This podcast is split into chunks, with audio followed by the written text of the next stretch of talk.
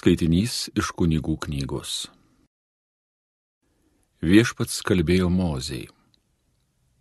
Tokios bus viešpatie šventis, šventų susirinkimų dienos, kurias nustatytų laiko privalėsite švęsti. Pirmojo mėnesio 14 dieną vakarop bus Velykos viešpaties garbiai. 15 to mėnesio dieną bus neraugintos duonos šventė viešpaties garbiai. Per septynias dienas jūs valgysite neraugintą duoną. Pirmąją dieną turėsite šventą susirinkimą ir bus nevalia jums dirbti jokio kasdieniško darbo. Per septynias dienas saukosite viešpačiui deginamą auką.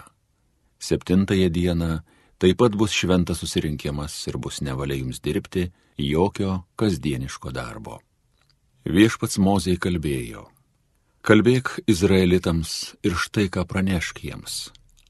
Kada jūs atvyksite į kraštą, kurį aš jums atiduosiu, ir ten nusimsite derlių, tai pirmąjį derliaus pėdą nuneškite kunigui.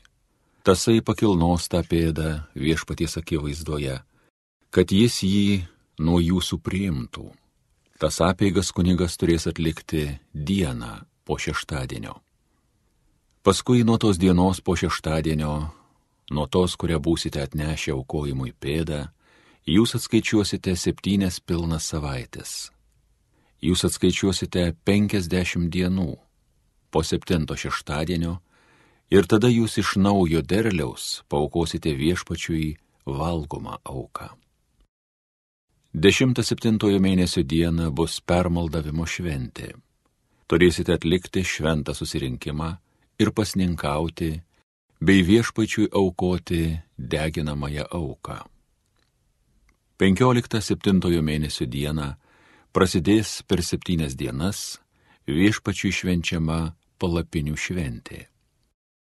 Pirmąją dieną, šventojo susirinkimo dieną, bus nevalia jums dirbti jokio kasdieninio darbo. Per septynias dienas aukosite viešpačiui deginamą auką.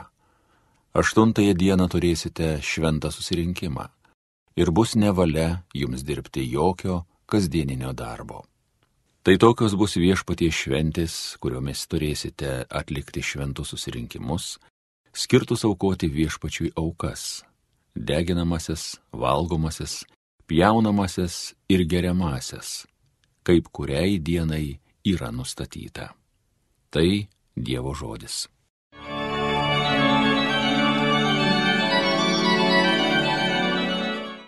Džiūgaudami šlovinkit Dievą, mūsų stiprybę.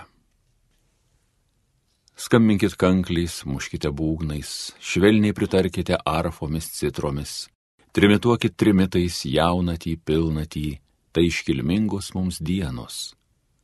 Džiūgaudami šlovinkit Dievą, mūsų stiprybę. Taip Izraeliui yra nustatyta, Jokūbo viešpats taip liepė. Dievas tokį įstatymą davė Juozapo giminiai, kai prieš Egiptą kovoti išėjo. Džiūgaudami šlovinkit Dievą, mūsų stiprybę. Netikrų dievų neturėkit, negarbinkit svetimų dievaičių. Aš esu viešpats, aš tavo dievas, išvedęs tave iš Egipto nelaisvės. Džiūgaudami šlovinkit Dievą, mūsų stiprybę. Alleluja.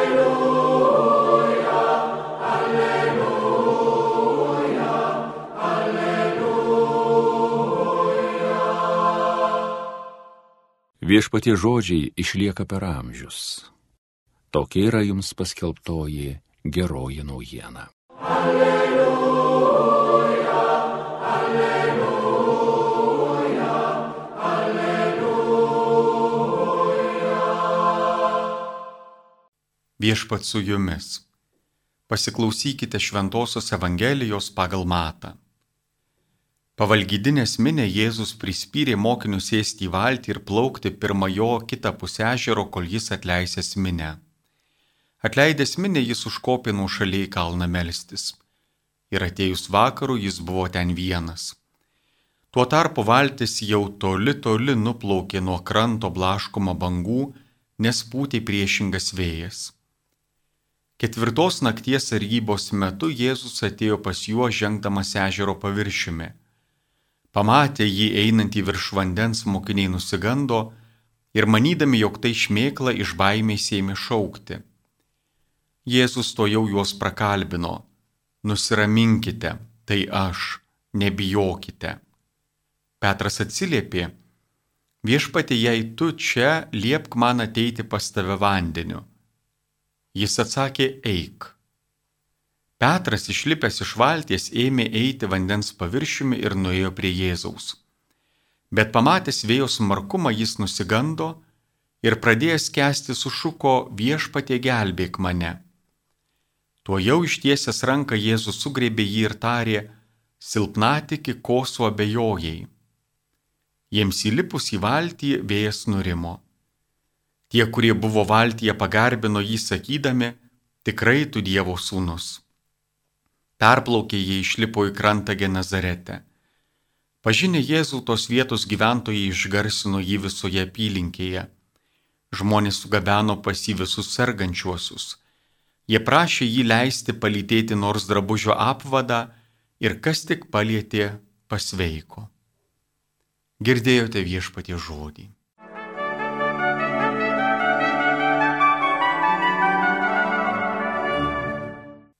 Šiandienos Evangelijoje evangelistas Matas aprašydamas Jėzaus įėjimą vandeniu ir apaštalų negebėjimą atpažinti Jėzaus, mėgina laužyti iš ankstinius stereotipus. Petras nesugeba atpažinti Jėzaus pavojaus situacijoje. Audra žere, apskritai vandenys, kurie kelia grėsmę, kurie gali pasiglemšti žmogaus gyvybę, išreiškia žmogaus silpnumo idėją. Ir evangelistas Matas šiandien sako, jog esama jėgų, kurios nepavaldžios žmogui. Jėgų, kurių žmogus negali įveikti savo paties pastangomis. Jėgų, nuo kurių žmogus negali pats apsiginti, bet jam yra reikalingas kitas. Kitas iš mažosios arba kitas iš didžiosios raidės rašomas. Savo audringoje istorijoje ir išrinktoji tauta Izraelis nekart atsidurdavo mirties grėsmėje ir labai panašiai ir bendruomenė, kuriai evangelistas Matas rašo savo Evangelijos variantą, o ir kitos persekiojamos bendruomenės arba kiekvienas iš mūsų irgi atrastume savo gyvenime laikotarpių ir situacijų, kuriuose patyrėme savo bejėgiškumą ir baimę. Visa tai mus veda į kito atradimą kito, rašomo iš mažosios arba iš didžiosios raidės. Dažniau turbūt į Dievo, kuris gali išgelbėti iš baimių. Į Dievo, kuriuo galėtume pasikliauti ne vien tik savo jėgomis, bet ir dieviška gale. Todėl tas, kuris laimi, tas, kuris įveikia tam tikras negandas, sumaištį ar baimės, iš tiesų yra ne mūsų drąsa, bet Dievas. Tikrai, Petras, norėdamas eiti pas Jėzų ir ieškodamas kelio pas Jėzų, klausia ir prašo leidimo ir Jėzus jam leidžia tai daryti.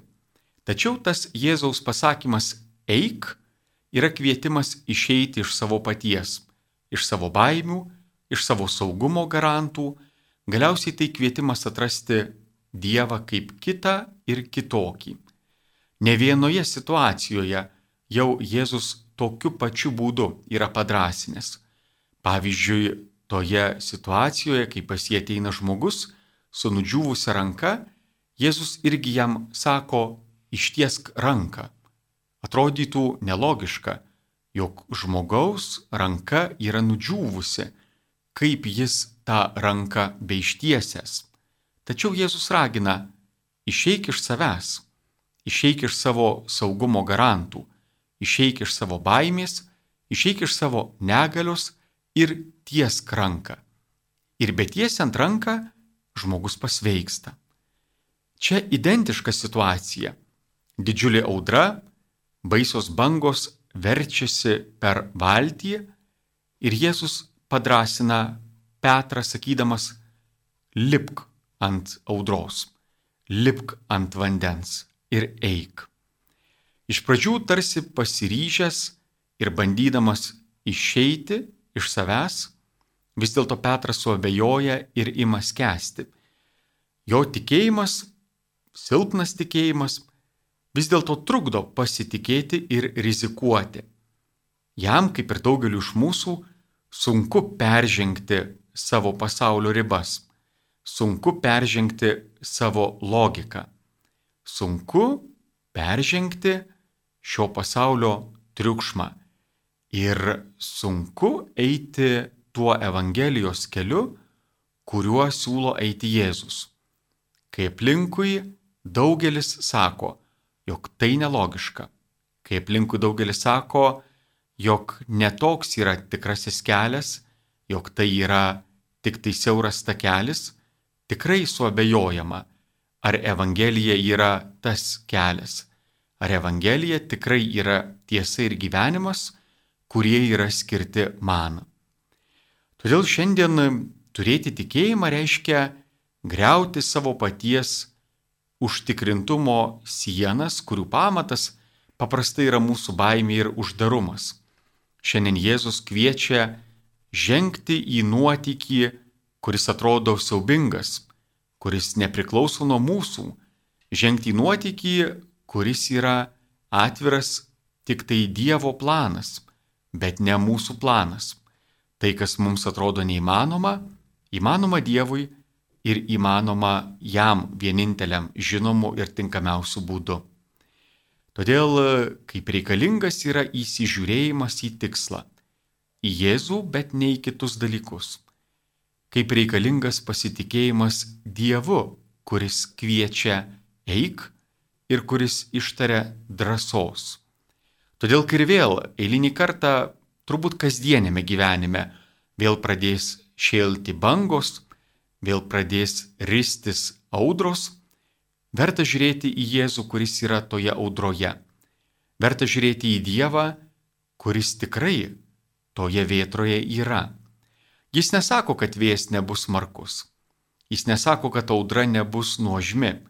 Jis nesako, kad bangos nesivers į mūsų gyvenimo valtį, bet jis sako, kad jis yra galingesnis už bet kokią audrą ir už bet kokį vėjo smarkumą.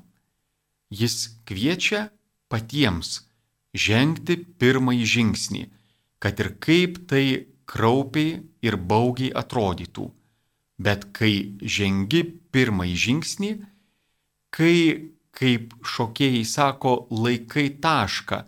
Tai yra visą laiką įbedęs žvilgsnį žiūri į vieną vietą, tuomet galva neapsisuka.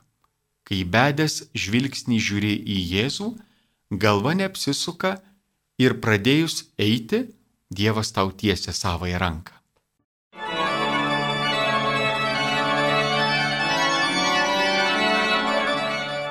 Homilyje sakė kunigas Mykolas Atnečenka.